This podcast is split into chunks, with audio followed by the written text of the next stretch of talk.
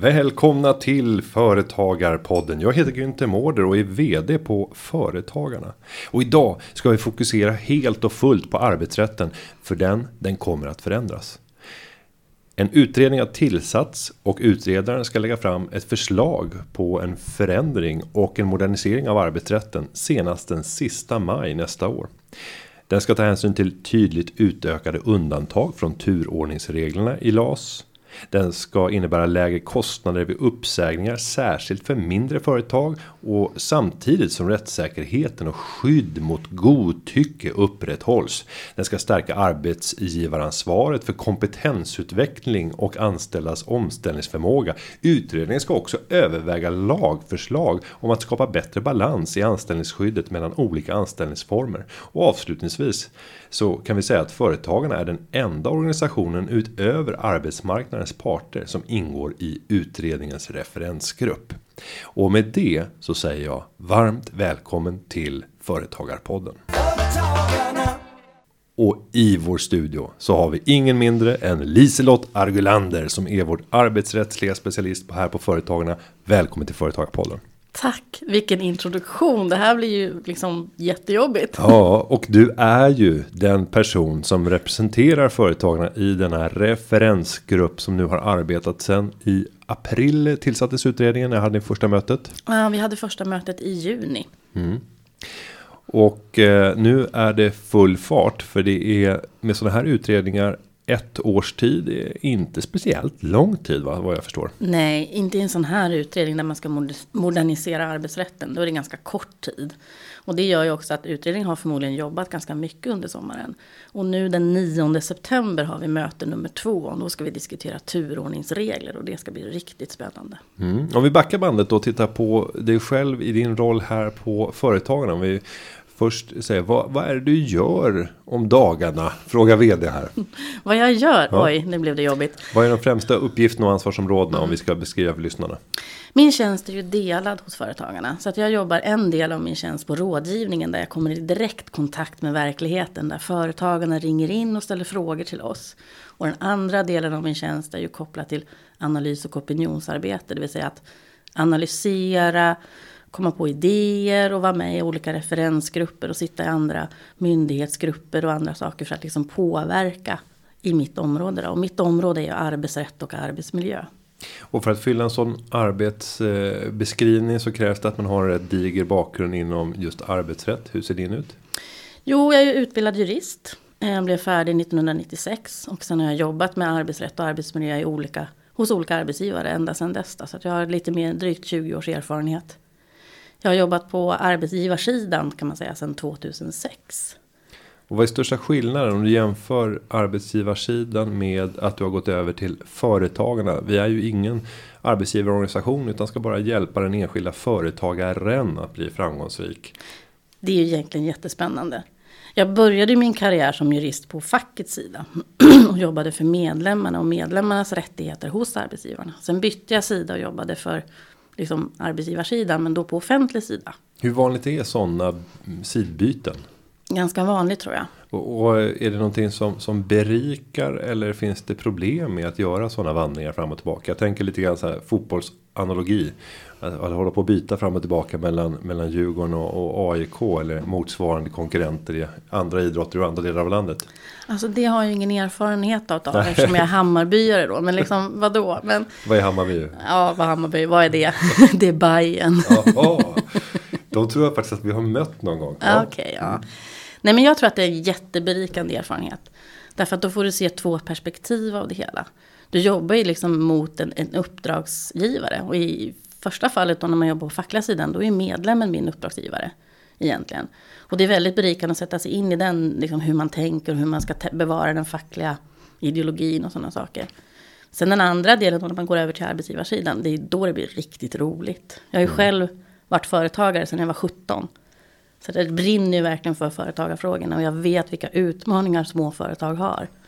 Och då är det ju extra roligt att kunna hjälpa dem i den roll jag har på Företagarna.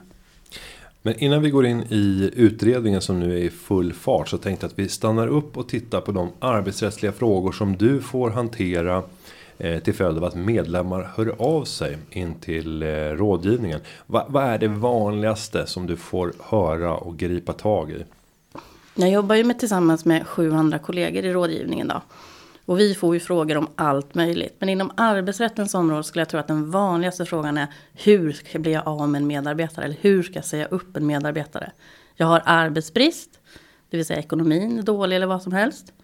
Eller den här arbetstagaren är besvärlig, han funkar inte eller hon funkar inte. Jag måste göra någonting åt situationen. Det är nog de vanligaste frågorna. Och där tänker jag just att det där sista är till och med vanligare än att det föreligger eh, för lite jobb att göra. Att man har någon som faktiskt inte de facto funkar på, på arbetsplatsen. Eh, vad brukar rådet vara? Nu måste vi specificera mer egentligen. Men om man ska ge några så generella råd till den som sitter med en, en medarbetare som inte presterar på en sån nivå som man borde kunna förvänta sig. Det första jag tycker man bör göra som, som företagare är att börja prata med medarbetaren. Vi möter väldigt ofta företagare som så att säga väntar och väntar och väntar och hoppas på att det ska bli bättre. Och det blir det oftast inte. Utan prata så tidigt som möjligt. Sätt upp regler och ramar för vad medarbetaren ska göra för att förbättra sig.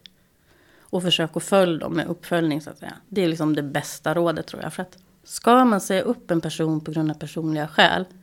Då krävs det att man har dokumenterat den så kallade misskötsamheten under väldigt lång tid innan man kommer dit. Och sitter man då i ett läge att man väntar och väntar och väntar av omsorg eller oro eller vad som helst. Och sen plötsligt, nej nu går det inte längre. Det blir lite grann som droppen som får bägaren att rinna över. Och har man då inte pratat om den här situationen med medarbetaren, då blir det väldigt tufft. Finns det några andra arbetsrättsliga frågor som är vanligt inkomna på rådgivningen?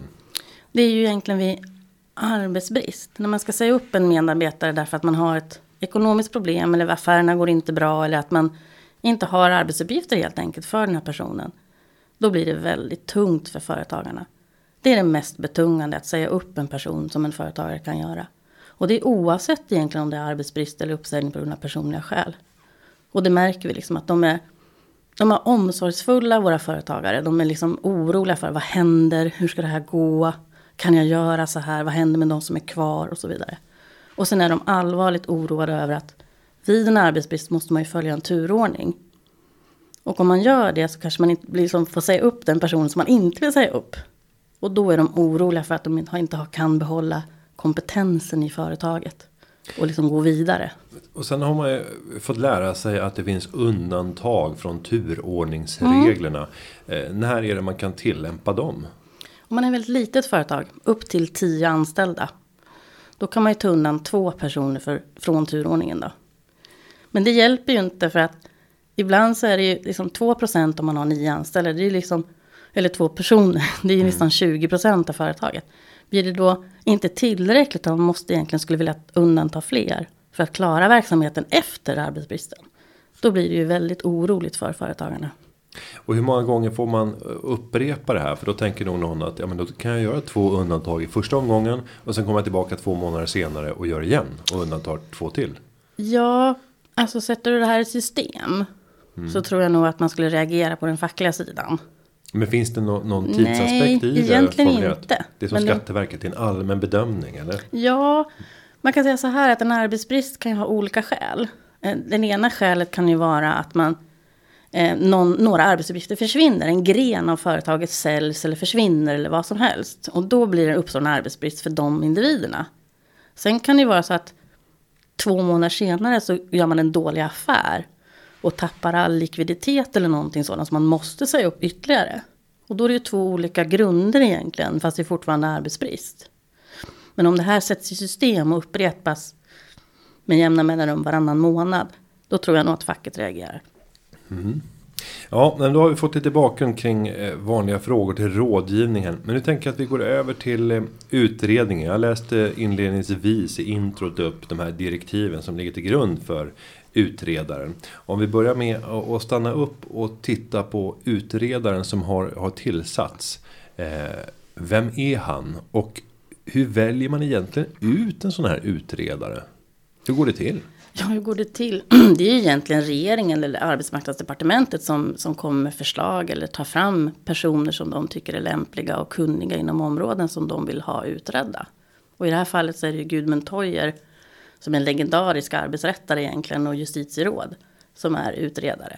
Väldigt kunnig på området. Och hur mycket påverkar vi i ett sånt läge? För det är klart att även utredaren kommer ju att sätta agendan rätt ordentligt. Om vi tar utredningen av entreprenörskatten och förändringen av 3.12-reglerna mm. som var för några år sedan. Och så tillsätter man Irma Repalu.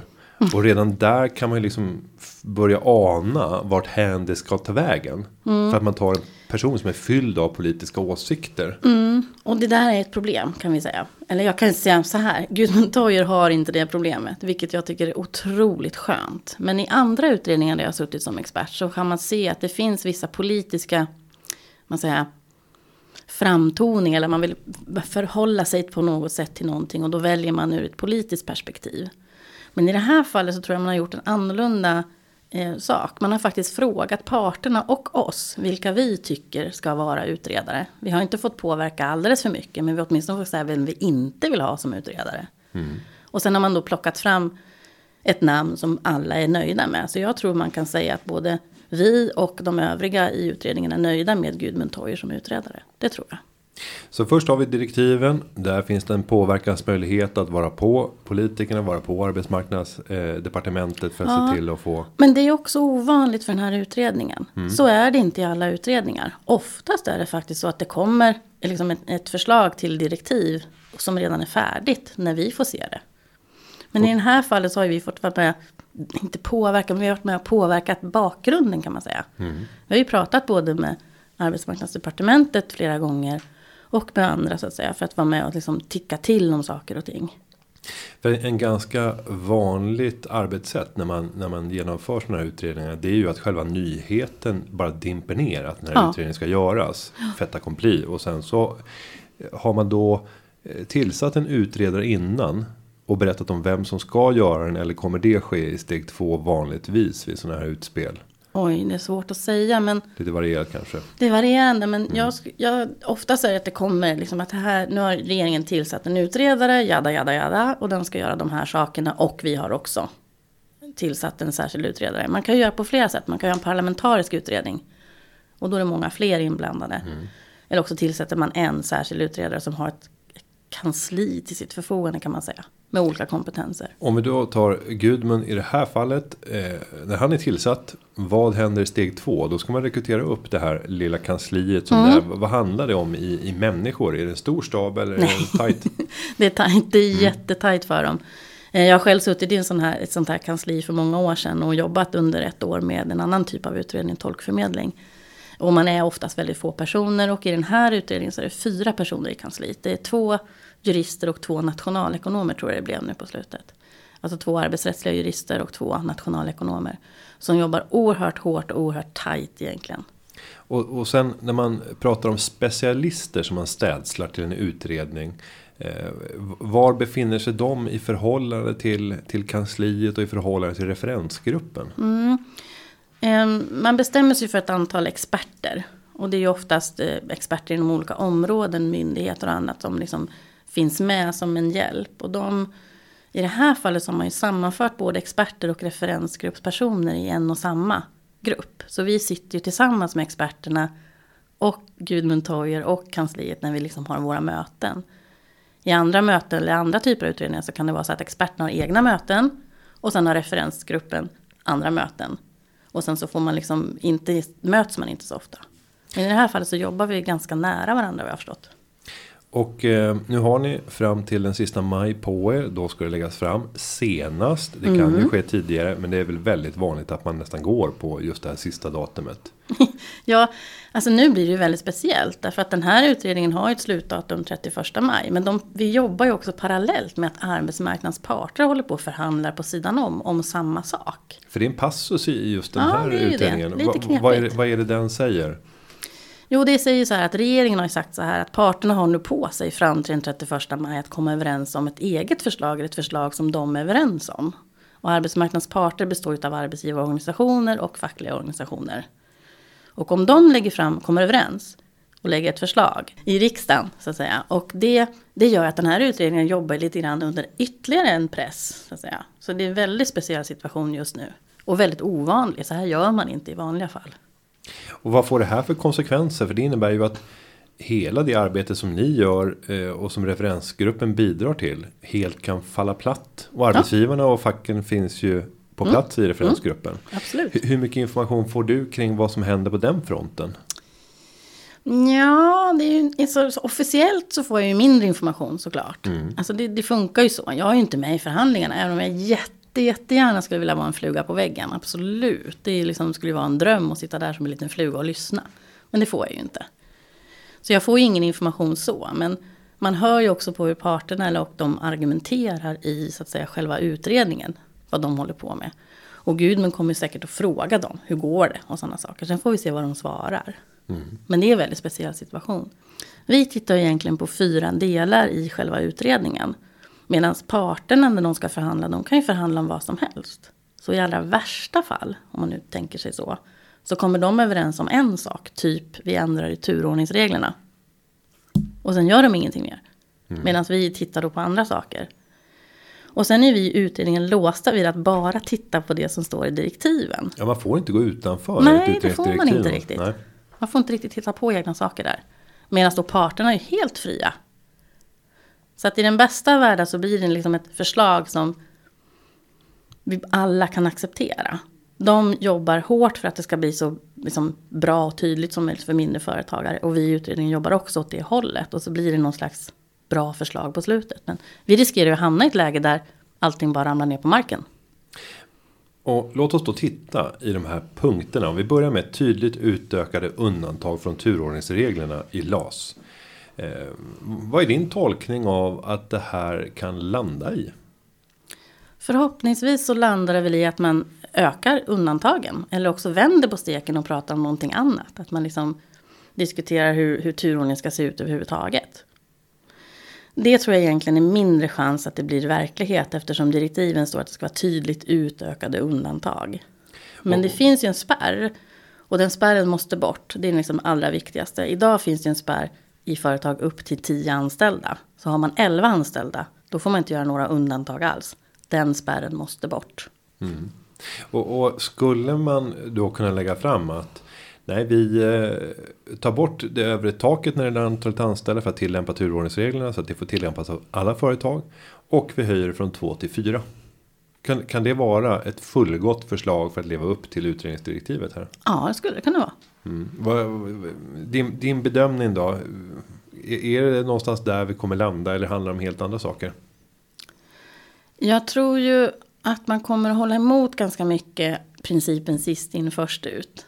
Därför att det är ju något slags av allmän vedertaget. Och det gör ju att man kommer nog landa i någon form av undantag från turordningsreglerna. Och ha kvar liksom basen. Sen hoppas jag ju att man fattar att man behöver ta bort den här spärren vid tio anställda. Och sen tror jag också att man förstår att man behöver öka antalet och göra en fördubbling, ja minst skulle jag säga. Mm. Därför att idag är företagen så små och så konsoliderade, för man ska säga att de liksom har specialister, de gör det de ska. Så vi har ju fyra av fem jobb skapas i de här mindre företagen. 62 procent av företag med 1 till 49 anställda har inte kollektivavtal. Det är en sån här ökning som vi ser linjärt mellan åren. 2005 så var det 51 procent som inte hade kollektivavtal. Och nu 2019 så är det 62 procent som inte har kollektivavtal de har ju ingen annan ting att vända sig till. De måste förlita sig på lagstiftningen. De kan inte göra, få ett kollektivavtal eller ha ett kollektivavtal så de kan få bättre. Utan de måste ju ha en lagstiftning som fungerar. Därför så hoppas jag ju väldigt mycket på att man ser det här i utredningen och att man förstår det. Sen om vi går vidare till nästa punkt. Lägre kostnader vid uppsägningar. Särskilt för mindre företag. Eh, då, då tänker jag här. Det här måste handla dels om eh, uppsägningar av eh, eller på personliga skäl. Där är det ju oftast som en tombola. Man har ingen aning om vad det kommer landa i. Om det sker överklagan. Mm. Och sen kan det bli en lång Nej, process som ja. i värsta fall kan hålla på upp till två år va? Mm. Det är ju ett jättebekymmer för företagare överlag. Inte bara för mindre företag. Att de här uppsägningarna på grund av personliga skäl kan landa lite hur som helst. Det är väldigt höga beviskrav för att du ska överhuvudtaget ska kunna säga upp någon på grund av det. Facket motsätter sig ju ganska kraftigt hela tiden. Sen handlar det också om att eftersom det är som en tombola, precis som du beskriver det. Man kan alltså inte se processmässigt hur lång tid det här kommer ta. Vid en arbetsbristuppsägning exempelvis så kan man ganska linjärt följa att då är det liksom en förhandlingsfas som tar ett antal månader, en till två kanske. Och sen är det uppsägningstid, ett antal månader. Och sen är det klart. Det kan finnas någonting som är kvar, men annars är det en ganska linjär process som man kan förutse. Vid en uppsägning på grund av personliga skäl har du ingen aning som företagare hur det går. Och då... Därför att anställningen består ju. Om, om du gör en ogiltig förklaring som det heter. Då fortsätter anställningen att löpa tills hela tvisten är avgjord. Och det tar i snitt 17 månader att komma till domstol. Då ska man betala Oj. lön under den här tiden. Mm. Eh, och om vi då går och tittar på den, den tiden som, som förlöper under eh, en omorganisering på grund av arbetsbrist. Eh, och sen blir någon uppsagd. Då har ju den arbetstagaren arbetsskyld, är arbetsskyldig under uppsägningstiden. Absolut. Men har rätt att få tid att kunna söka nya jobb ah, ja, och så absolut. vidare. Eh, men på personliga skäl då kan man ju rimligtvis anta att personen inte företagaren inte vill ha den här personen närvarande i verksamheten. Ja, det där blir ju lite grann en dilemma och lite grann ja. en förhandlingstaktik också. Det vill säga att arbetstagaren har ju rätt att jobba under hela uppsägningstiden. Och jag tycker personligen att man inte ska liksom ge arbetsbefrielse hur som helst. Mm. För, för, att då har man liksom inget förhandlingsargument kvar för att liksom kunna komma överens inom den här ramen för den här tiden. Men det är självklart så att är en person som verkligen ställer till det på arbetsplatsen och verkligen liksom missköter sig kapitalt så att de övriga arbetstagarna säger att vi jobbar inte en dag om inte den här personen försvinner. Då har du ett jätteproblem. Därför då har då personen ja, tre månaders uppsägningstid eller ännu längre och sen dessutom gör en ogiltig förklaring så ska tvisten pågå i 17 månader. Då har ju det företaget gått under. Mm. Och då gör man ju ofta så att man arbetsbefriar. Men det är ju fortfarande en kostnad. Och om vi nu börjar titta på möjligt utfall. Vad skulle du kunna se som ett förslag som kan leda till lägre kostnader vid uppsägningar. Särskilt för mindre företag? Ja, det här gynnar egentligen alla företag. Men jag skulle se det som otroligt bra och verkligt egentligen om man tar bort möjligheten att ogiltigförklara en uppsägning på grund av personliga skäl. Det skulle innebära i så fall att anställningen upphör när uppsägningstiden är slut. Och då kan, den kan man ju överblicka. Mm. Och sen när man då har sagt upp en person liksom uppenbart godtyckligt att det finns ingen grund för det. Då kan man ju reglera det kanske med någon form av skadeståndstrappa. Så att det ändå liksom svider hos arbetsgivaren om man har gjort helt fel. Men, Men man vet hur mycket det kommer att svida? Ja, man kan se det i lagstiftningen. Mm. Så det skulle jag tycka var en väldigt bra liksom, ändring. Sen har vi en särskild skadeståndsparagraf i LAS som jag tycker man borde antingen inte ta bort, det kommer man ju aldrig kunna göra, men åtminstone kraftigt minska upp kostnaderna i den. För där har vi då 16, 24, 32 månadslöner som tickar ut om, om en dom faller och arbetsgivaren inte vill ta tillbaka arbetstagaren. Så. Mm. Då måste, om man liksom ändå vill bli av med arbetstagaren, då kan man betala ut sig. Men då, är det liksom, då är det liksom handlar det om de här stora summorna, liksom 16, 24 och 32 månadslöner. Och det är inte så kul. För det är ju utöver de här 17 månadslönerna. Men, men de här lägre kostnaderna vid uppsägningar, särskilt för mindre företag, det ska samtidigt ske som rättssäkerhet och skydd mot godtycke upprätthålls. Och det där är ju en skrivning som står där av ett mm. skäl. Mm. Eh, vad är det bakomliggande skälet och rädslan för att det kommer att förekomma massa godtycke? Jag tror att det är en rädsla av att det blir liksom lite High Chaparral på arbetsmarknaden. Att man arbetsgivaren säger nej men nu får du gå. En, jag skulle tro att det är det man menar. Men jag menar att um, det är inte så. Våra företag reagerar inte så. När vi tittar i våra undersökningar vad som är mest betungande för våra företag. Vad är det, liksom, vad är det jobbigaste de gör? Och vi hamnar alltid där att det är det jobbigaste de har att göra. Det är att säga upp en arbetstagare. Oavsett om det är på grund av personliga skäl eller arbetsbrist. Man har så stor omsorg om medarbetarna, man är orolig för vad som händer. Även för den som ska bli uppsagd. Hur går det här? Man kanske känner personen, man jobbar nära. Så jag tror inte våra företag kommer göra så. Godtycke tror jag man menar att man, just den här delen då. Men den kan man ju upprätthålla. Det finns ju annan lagstiftning i Sverige. Vi har ju diskrimineringslagstiftningen. Du får inte säga upp någon på grund av sexuell läggning eller på grund av ålder eller på grund av kön. Och där har du då den här lägsta gränsen tycker jag. Eller någon som är föräldraledig i föräldraledighetslagen. Och då hamnar man ju där. De, alltså basic regler. Det ska ju vara kvar naturligtvis. Om vi sen går vidare i nästa skrivning så ska vi stärka arbetsgivaransvaret för kompetensutveckling och anställas omställningsförmåga.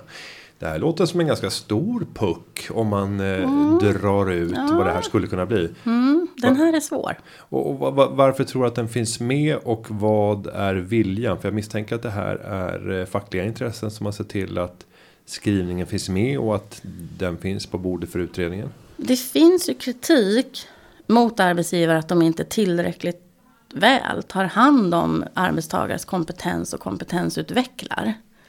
Men det jag tycker man måste börja diskutera det är vad är kompetensutveckling?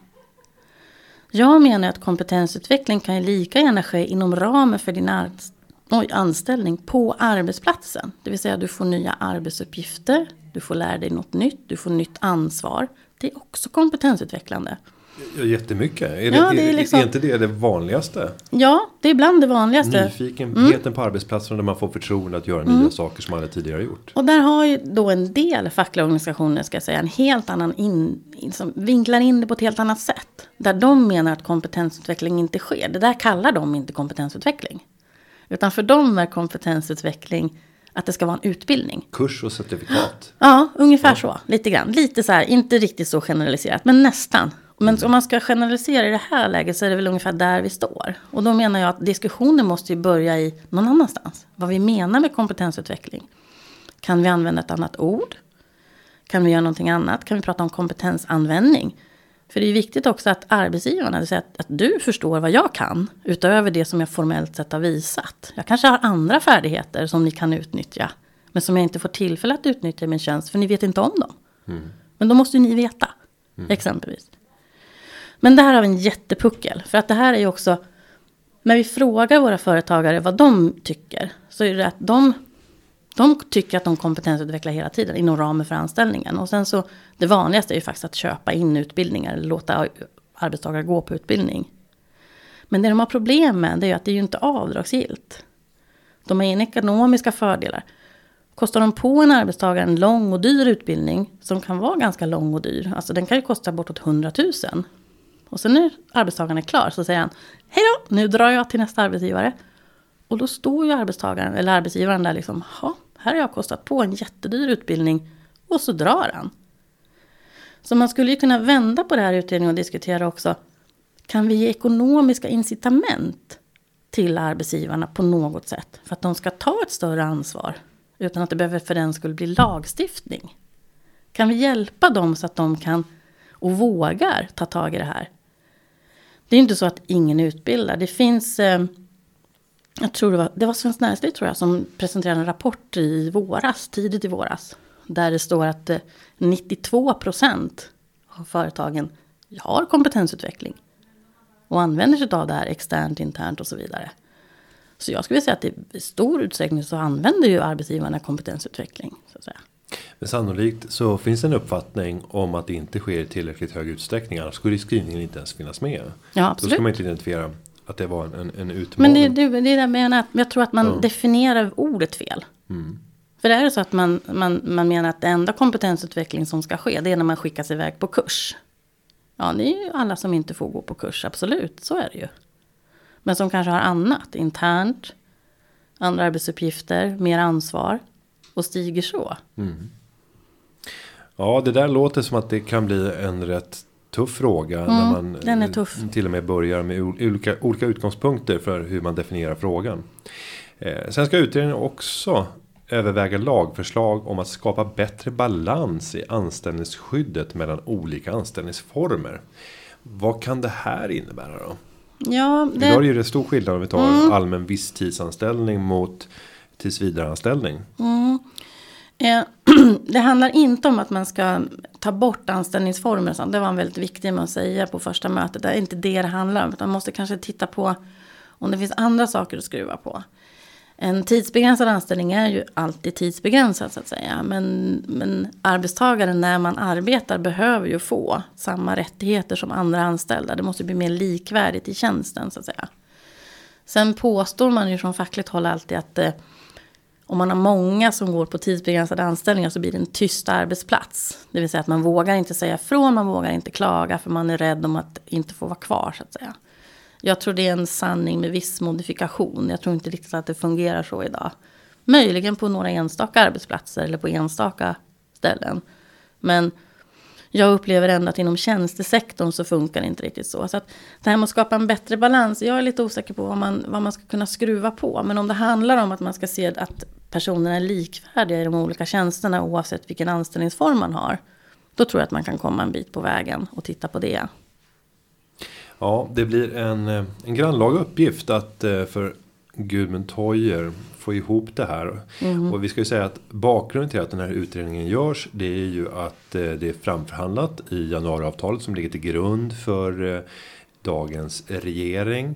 Och man går inte in i detalj och berättar vilka som har legat, legat, bakom vilka punkter. Men man kan ju lätt misstänka att det här är en fråga som Centerpartiet har drivit hårt. Mm. Men sen när man väl har satt sig vid bordet så har även eh, socialdemokratiska sidan fått in ett antal skrivningar i utredningsdirektiven. Eh, för det är ju ganska stor skillnad i så bevekelsegrund bakom varför man gör de olika, varför de olika skrivningarna finns. Och jag tyckte det blev ganska tydligt när Ylva Johansson liksom berättade om det här, vår arbetsmarknadsminister. Hon var ju egentligen ganska uppgiven eller ganska upprörd över att hon var tvungen att genomföra det här. Men som hon sa att det är en överenskommelse och regeringen står vid sitt ord. Så att jag tror att det här har varit ganska besvärligt för det socialdemokratiska partiet att liksom få ner det här på pränt överhuvudtaget. Men jag är tacksam för att de har lyckats med det. Och lyckats faktiskt ge ändå utredningen så pass mycket så att de kan fundera över de här väldigt, väldigt viktiga reformerna som behövs. LAS är ju gammal. Alltså lagstiftningen är ju 40 år gammal. Och arbetsmarknaden har förändrats. Vi behöver en ny lagstiftning. Sen vet jag att du sitter inne på lite ytterligare information. Jag tänkte försöka fiska så Jaha, mycket det bara går. Nu tänkte du det, ja. om, om några mm. veckor så mm. kommer det släppas en eh, färsk undersökning med massa fakta och ny data om hur företagare ser på arbetsrätten. Ja. Berätta om undersökningen till att börja med. Vad är det för undersökning? Ja, det är en ganska stor undersökning. Vi har under våren här intervjuat via ett undersökningsföretag, Demoskop, som har intervjuat eh, företagare om arbetsrätten. Vi har alltså inriktat den helt på arbetsrätten. Vad är problemet med arbetsrätten? Hur ser du som företagare på arbetsrätten? Vad tycker du behöver förändras i arbetsrätten?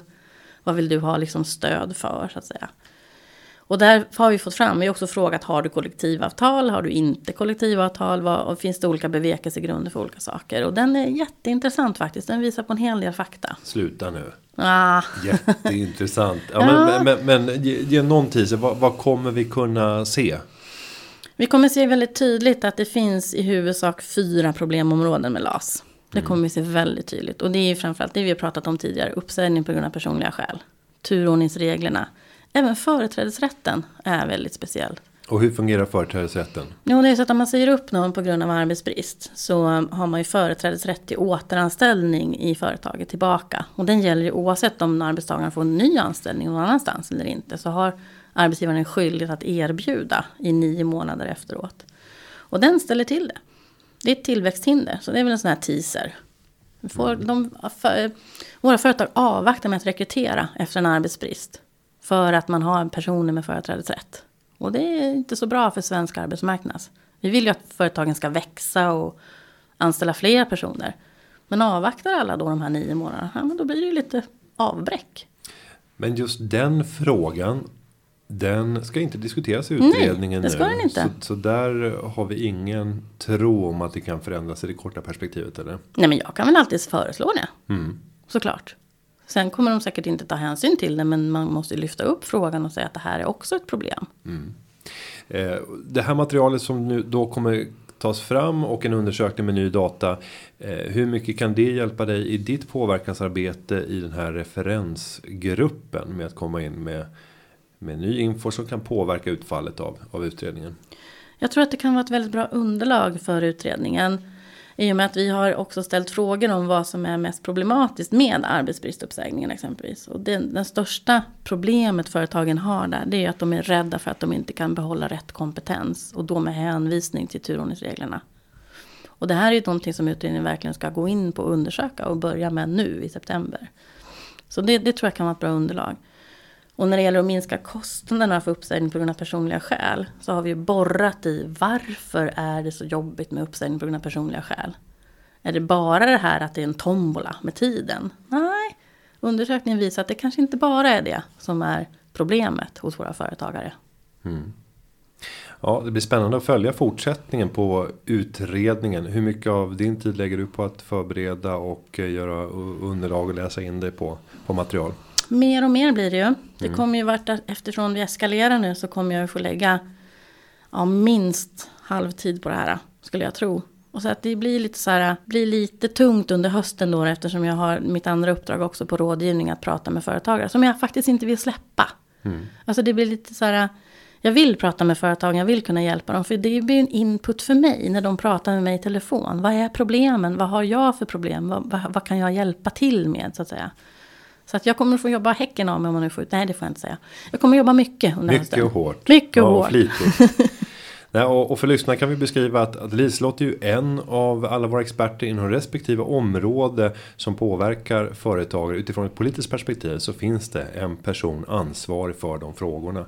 Eh, sen kommer tempot att vara olika hos de här personerna beroende på vad som mm. för tillfället finns på agendan. Arbetsrätten är ju prioriterad för oss nu under hösten och Ja, det är en stor fråga ja, i januariavtalet. Eh, mm. Och vi vet att det kommer att avgöras nu innan, innan sista maj. Och mm. det här kan hypotetiskt innebära, eller hypotetiskt, det, det kan de facto innebära rätt stora förflyttningar i positiv riktning om det landar rätt. Men det kan också bli pannkaka av det och mm. blir inte alls speciellt mycket. Nej. Och fack och arbetsgivarorganisation skulle kunna overrida allting genom att komma fram till en uppgörelse som är lite mellanmjölk.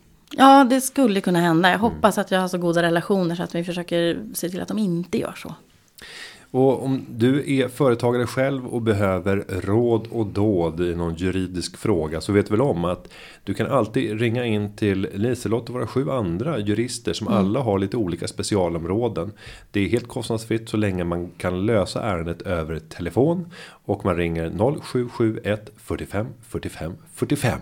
Ring in och tävla. här, vad har en tävling? Ja, jag, Hur många kan ringa på en dag? eh, vi hade väl, eh, vi tog upp det tidigt i Företagarpodden så tittade vi på statistik över unika personer som hade ringt flest gånger. Oh, eh, och där, spännande. Ja, där tror jag att vi hade en person som hade ringt 50 gånger. Eh, men även det är tillåtet så länge man kan lösa ärendet över telefon. Eh, sen får man väl använda sitt sunda förnuft. Det viktiga är att det är en riktig fråga och att man inte är samtalskrank. Ja fast jag tycker det är rätt, rätt bra att diskutera också. Men det är klart ja, det tar ring hellre tid. innan. Ja. Ring hellre innan än efter. Ja. Det är det viktiga budskapet. Ja. I arbetsrätten säger vi alltid då. Snälla ring en gång för mycket. Än att du liksom kastar ut någon eller ber någon fara och flyga. Liksom. Mm. Ring innan. Och, och rent generellt. Eh, hur stor andel av de inkomna samtalen när det kommer till ärenden inom arbetsrätt ringer in i tillräckligt god tid?